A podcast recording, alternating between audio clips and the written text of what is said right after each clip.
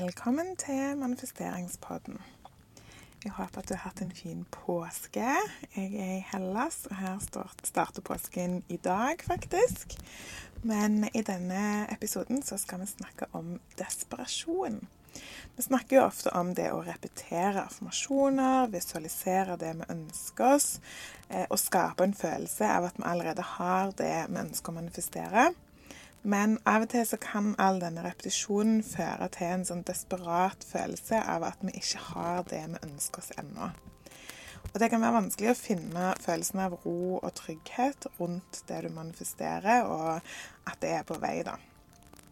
Derfor skal jeg snakke litt om hvordan du kan bli kvitt denne desperate følelsen. Eh, kanskje ønsker du å finne drømmepartneren din, men så sitter du alene hver kveld og kjenner på at du blir mer og mer desperat etter å finne den rette, istedenfor at du klarer å kjenne på en ro og trygghet rundt at den rette allerede er på vei til deg. Kanskje ønsker du å manifestere mer penger, men så vet du ikke helt hvordan du skal få endene til å møtes, og kjenne et desperat behov for mer penger nå. Kanskje ønsker du å manifestere bedre helse, men når du er syk, så føles det umulig å kjenne en ro rundt det å bli friskere. Eh, og jeg mener at vi skal jo gi rom for følelsene våre. Alle de følelsene vi har, de har, eh, de har alle en rolle i livet vårt eh, og i utviklingen vår. Men vi velger jo sjøl hvilke følelser som vi vil dvele ved. Og desperasjonen er en utrolig fin guide til å vise oss hva vi virkelig ønsker oss. Og så må vi legge den vekk. Vi må legge den bak oss. Um, og ja, hvis vi faktisk skal klare da, å manifestere det vi ønsker, inn i vår virkelighet. Så desperasjonen er et tegn på at du virkelig ikke er fornøyd med det området i livet ditt. Og det er et utrolig fint utgangspunkt for endring, da. Men desperasjonen i seg sjøl, det er veldig sånn Den er på en sånn kraftløs vibrasjon, da, hvis du kan si det. Eh, og uten kraft så klarer vi ikke å skape noe nytt eller skape en endring. Så derfor så må vi bruke desperasjonen som en guide, og så må vi heve vibrasjonen vår eh, ja, høyere for å samle kraften til en endring. Jeg har jo snakket om denne her emosjonelle skalaen tidligere, og hvordan vi kan bruke den til å klatre oppover i følelsene våre. For det er helt umulig å gå rett fra f.eks. desperasjon, som er en ganske lavt nede på skalaen, eh, og hoppe rett til lykke, f.eks., som er en veldig høy eh, en følelse som er veldig høyt på skalaen. Eh, men det å klatre opp til neste følelse og neste følelse og neste følelse på skalaen, det er ikke så vanskelig. Så på den måten så eh, kan vi klare liksom eh, et steg lenger opp, et steg lenger opp, eh, for å på en måte stadig føle oss bedre på veien, uten at vi på en måte blir demotivert av at vi ikke får til å skape den der fantastiske lykkefølelsen med en gang. Det holder at du bare kommer deg ett hakk videre opp i følelsene. Jeg har òg et helt kapittel om dette her, om den emosjonelle skalaen, eh, i manifesteringsworkshopen. Der er det tegning av eh, skalaen og alle følelsene, og for de som ønsker å gå litt dypere inn i temaet, da. Eh, workshopen er fremdeles på tilbud, faktisk, til 333 kroner i nettbutikken. Jeg syns òg det hjelper å lese eller høre på suksesshistorier. Høre om andre som har fått til eh, noe som jeg ønsker i mitt liv, da. Før så kunne jeg bli veldig sjalu eller kjenne på misunnelse når, når, noen hadde klart noe som jeg hadde lyst til å klare.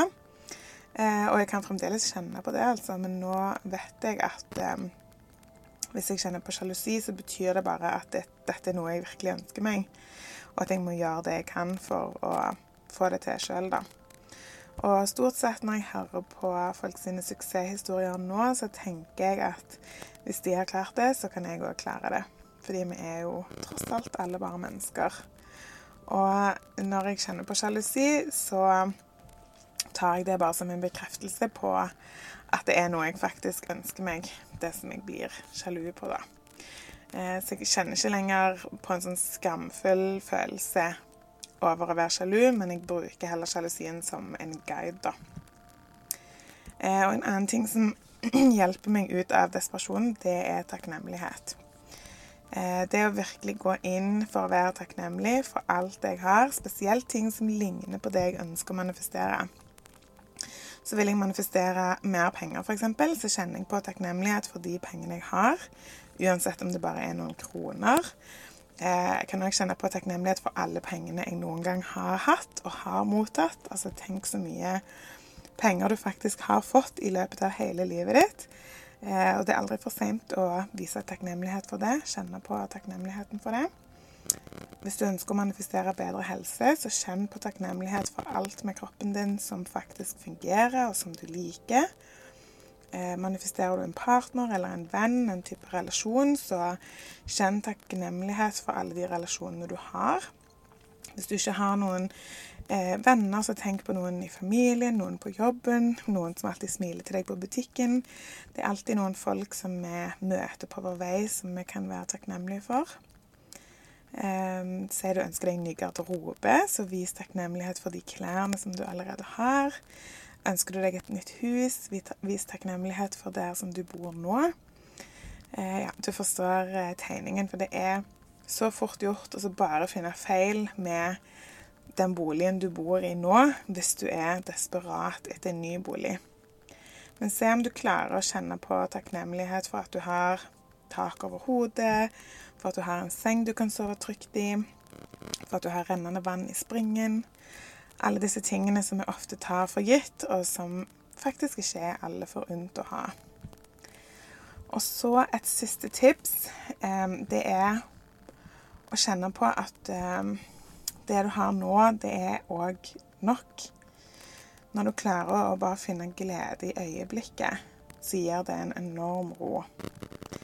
Det å være tilfreds i det som du har, det betyr ikke at du ikke kan oppgradere det. Og det er jo egentlig bare her og nå, akkurat dette øyeblikket, vi faktisk har. Så når vi hele tida lever i en framtid hvor alt eh, skal bli lysere, så skaper det en sånn desperat følelse. Så hvis du klarer å sitte i nuet og tenke at vet du hva, livet er ikke så verst. Kanskje har jeg ikke penger til å kjøpe det jeg vil denne måneden, men jeg har tak over hodet, jeg har mat på bordet, kanskje til og med noen gode venner, og livet er ganske fint uansett. Spesielt for oss som er født i Norge, eller som bor i Norge, da, så har vi det privilegiet at det skal veldig mye til før det går helt galt. Um, og når vi klarer å finne en ro og glede i livet sånn som det er akkurat nå, så vil òg den desperasjonen forsvinne, og manifesteringene vil komme raskere. Du kan være fornøyd i øyeblikket og fremdeles manifestere nye ting, da. Det er faktisk en stor fordel å være fornøyd i øyeblikket når du ønsker å manifestere noe nytt. Så for å oppsummere så det å klatre på den emosjonelle skalaen en følelse om gangen, istedenfor å prøve å gjøre store hopp på skalaen og bli demotivert av det. Det å oppsøke suksesshistorier som ligner på den historien du sjøl ønsker å skape. Ikke for å sammenligne deg, men for å bygge håp og tro på deg sjøl. Og så bruke takknemlighet for alt det er verdt. Det er virkelig en eh, magisk følelse. Og jeg trodde lenge at jeg var en eh, takknemlig person, men etter jeg har begynt å praktisere det mer bevisst, så kjenner jeg jo at eh, jeg har fremdeles veldig mye å gå på der. Så det å praktisere takknemlighet, det er tror jeg er ganske undervurdert av de fleste. Og sist, men ikke minst, det å finne ro og glede i nåværende situasjon og kunne klare å være til stede i nuet. Denne episoden er som vanlig sponsa av nettbutikken min, jesabel.no, og der finner du bl.a. den manifesteringsworkshopen som jeg nevnte så vidt tidligere i episoden. Eh, jeg skal legge link i episodebeskrivelsen sammen med link til podkasten sine sosiale medier og Facebook-grupper. Vi høres!